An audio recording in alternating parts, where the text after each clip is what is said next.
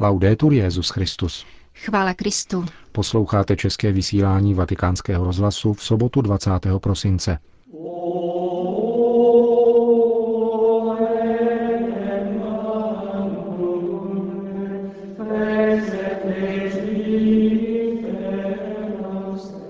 Papež František přijal italskou komunitu papeže je na 23. V druhé části pořadu vám přiblížíme poslední adventní kázání otce Cantalamesi. Hezký poslech přejí Milan Glázer a Jana Gruberová.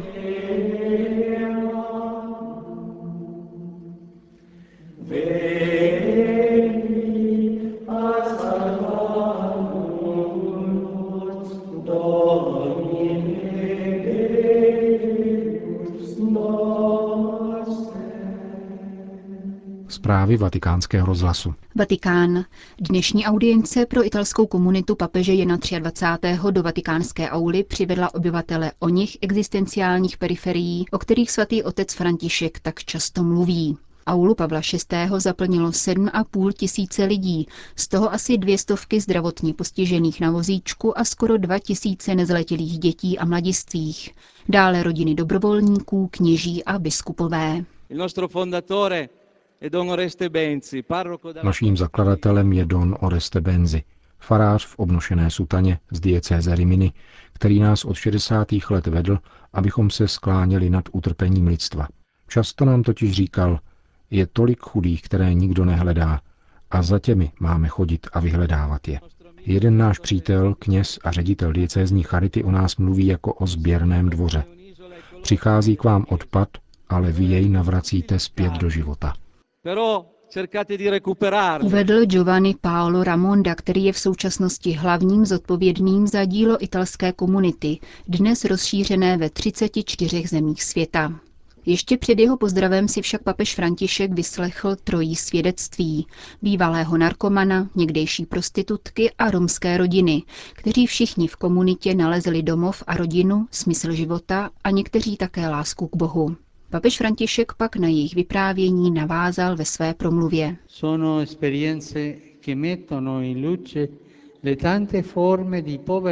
Tyto zkušenosti vrhají světlo na mnohé formy chudoby, které bohužel zraňují dnešní svět. Odhalují také tu nejnebezpečnější bídu, která je příčinou všech ostatních. A tou je oddálení se od Boha. Samolibé přesvědčení, že se bez Boha můžeme obejít. To je ta slepá ubohost, která za cíl své existence považuje materiální bohatství, která hledá moc a požitky a za těmito účely zotročuje životy bližních. Právě Ježíšova přítomnost je totiž rozlišujícím znamením mezi svobodou dobra a otroctvím zla, pokračoval svatý otec. Pánova přítomnost nás uschopňuje činit dobré skutky a čerpat z toho niternou radost, která se šíří na všechny, kdo nám stojí na blízku. A jeho přítomnost rovněž ozdravuje naše myšlení a emoce a dává nám nezbytnou sílu k překonání nesnází. Víra skutečně přenáší hory lhostejnosti, nezájmu a neplodného stažení se do sebe. Víra nás vede k milosrdné lásce a k touze po napodobování Ježíše. Vyzývá nás k činění dobra a dodává nám odvahu, abychom jednali po vzoru milosrdného Samaritána. Don Oreste Benzi, zakladatel vaší asociace, to moc dobře věděl.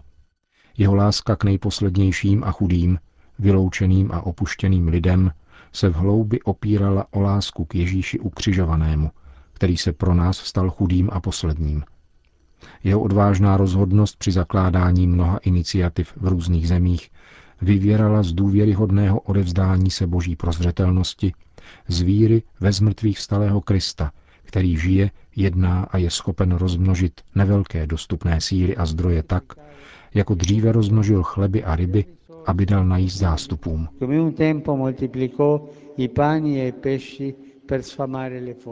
V závěru papež zopakoval výzvu svého předchůdce svatého Jana Pavla II., který před deseti lety italské komunitě doporučil, aby dbala na duchovní formaci a časté přistupování ke svátostem. Milosrdná láska k bratřím a sestrám totiž příští ze srdce naplněného boží láskou. Loučil se Petru v nástupce s asociací Komunita papeže Jana 23. Vatikán.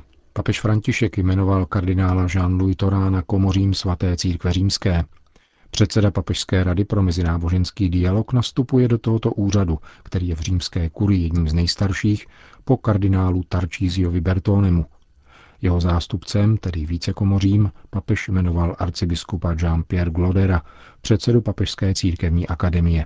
Kardinál Komoří spravuje majetek svatého stolce v době papežovy nepřítomnosti.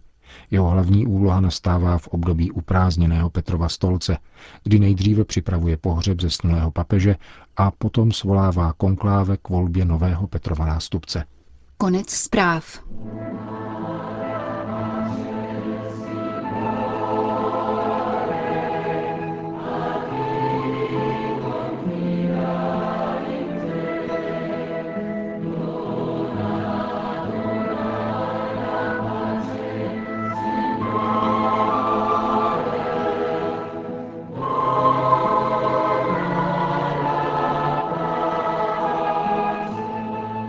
Poslední z letošních adventních kázání otce Kantalamesy, určených Petrovu nástupci a jeho spolupracovníkům z římské kurie, bylo tento pátek věnováno pokoji jakožto plod ducha. Na rozdíl od charizmat, která jsou výlučně darem ducha, předeslal v úvodu papežský kazatel, jsou plody ducha výsledkem spolupráce milosti a svobody.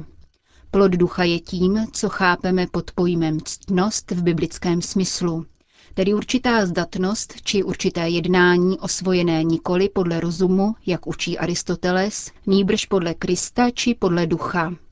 A zatímco dary ducha se od člověka k člověku liší, jsou plody ducha pro všechny stejné. Ne všichni jsou proto v církvi apoštoli či proroky, ale všichni od prvního do posledního mohou a mají být laskaví, trpěliví, pokorní a míru milovní. Pokoj jakožto plod ducha se tedy liší od pokoje jakožto daru ducha i od pokoje jakožto zadání, které je třeba plnit.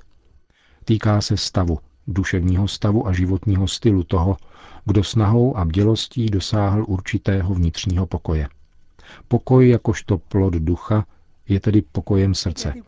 A o této tak krásné a kýžené věci budeme dnes meditovat che oggi vogliamo un po' eh, meditare. Úsilí o dosažení tohoto vnitřního pokoje bylo společné křesťanskému východu i západu, počínaje pouštními otci, pokračoval otec Kantalamesa. Mezi východními mnichy to byl takzvaný hesychiasmus, čili úsilí o vnitřní klid. Jehož ozvěnou je i pozdější pravoslavné dílo Vyprávění ruského poutníka, které za tímto účelem nabádá k neustálému opakování určité invokace adresované Kristu Pánu. Západní tradice začíná svatým Augustinem, který ve svém díle o boží obci reflektuje různé formy pokoje, mezi nimiž proslula zvláště klasická formulace Tranquilitas Ordinis, tedy klid řádu. Je to však především věta, kterou Augustin říká ve svých vyznáních, která zásadně ovlivnila veškeré následující myšlení. Stvořil si nás pro sebe, Bože, a nepokojné je naše srdce, dokud nespočine v Tobě. Dokud jsme na této zemi, pokračoval papežský kazatel, je místem našeho spočinutí vůle Boží, svěření se do jeho vůle. Nelze dojít pokoje bez upřímného souhlasu s Boží vůlí a teprve v nebi bude místem tohoto spočinutí Bůh sám. Svatý Augustin v závěru svého díla o boží obci opěvuje tento pokoj nebeského Jeruzaléma slovy. Tam pak nastane definitivní pokoj. V tomto pokoji nebude muset rozum panovat nad podněty, protože už nebudou existovat. Bůh se zmocní člověka, duchová duše těla a zavládne tak obrovská vyrovnanost a ochota k poddanosti, jako je obrovská slast života a vlády. Ve všech a v každém jedinci bude tento stav věčný a budou si jisti, že je věčný. A proto pokoj této blaženosti, či blaženost tohoto pokoje, bude svrchovaným dobrem. Naděje na tento věčný pokoj vstoupila do pohřební liturgie církve a výrazy jako pokoj a věčné odpočinutí se užívají všeobecně. Augustinova vize vnitřního pokoje, pokračoval dále papežský kazatel, jakožto přilnutí k boží vůli došla potvrzení a prohloubení u středověkých mystiků. Například svatá Anděla z Folíňa říká, božská dobrotivost činí ze dvou vůlí jednu jedinou, takže už nemohu chtít jinak, než jak chce Bůh. Už nejsem v obvyklé situaci, nýbrž byla jsem uvedena do takového pokoje, ve kterém jsem s ním a jsem spokojena s čímkoliv.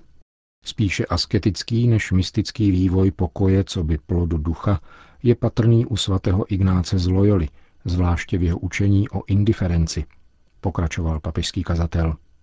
Slovem indiference se v jezuitské terminologii označuje postoj naprosté disponibility vzhledem k boží vůli a zřeknutí se jakékoliv osobní preference.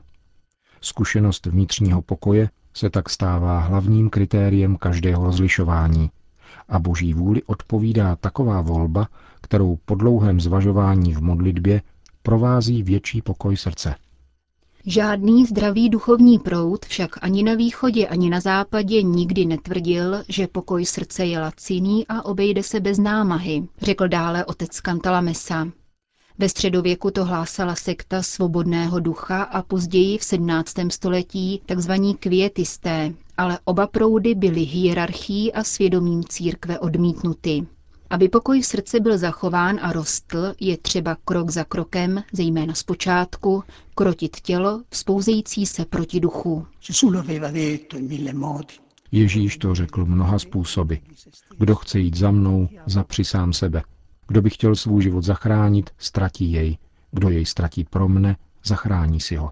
Existuje také falešný pokoj, o kterém Ježíš říká, že jej přišel zemi odejmout, nikoli dát. Duch svatý však není odměnou za skutky našeho umrtvování, nýbrž tím, kdo je umožňuje a činí plodnými. Není jenom na konci, ale také na začátku tohoto procesu. Připomíná to svatý Pavel v listě Římanům. Jestliže s pomocí ducha ničíte záludnosti těla, budete žít. V tomto smyslu je tedy pokoj plodem ducha, je výsledkem naší snahy umožněné Kristovým duchem. Moderní spiritualita, aniž by chtěla tradiční asketické prostředky nahradit, klade důraz na jiné, pozitivnější prostředky uchování vnitřního pokoje. Je to především důvěra a svěření se Bohu. Ježíš v Evangeliu motivuje svou výzvu, abychom se nestrachovali a nedělali si starosti o zítřek tím, že nebeský Otec ví, co potřebujeme. Živí dokonce i ptactvo a obléká polní lilie. Všechno je dnes připraveno připravit nás o pokoj, pokračoval otec Kantala Mesa. Člověk je slabý a samotný ve světě, který je mnohem větší než on a který se v důsledku vědeckých objevů, válek, nevyléčitelných nemocí a terorismu stal ještě hrozivějším. Nic nás však nemůže oddělit od lásky Boží, jak říká svatý Pavel. Bůh je a to stačí. Svatá Terezie z Avely nám nechala něco na způsob závěti, kterou stojí za to si připomínat pokaždé, když hledáme pokoj srdce.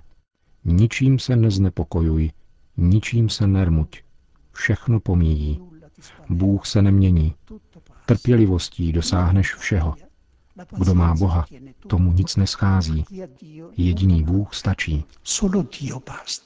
Uzavřel otec Kantala Mesa třetí adventní kázání určené papeži a jeho spolupracovníkům z římské kurie.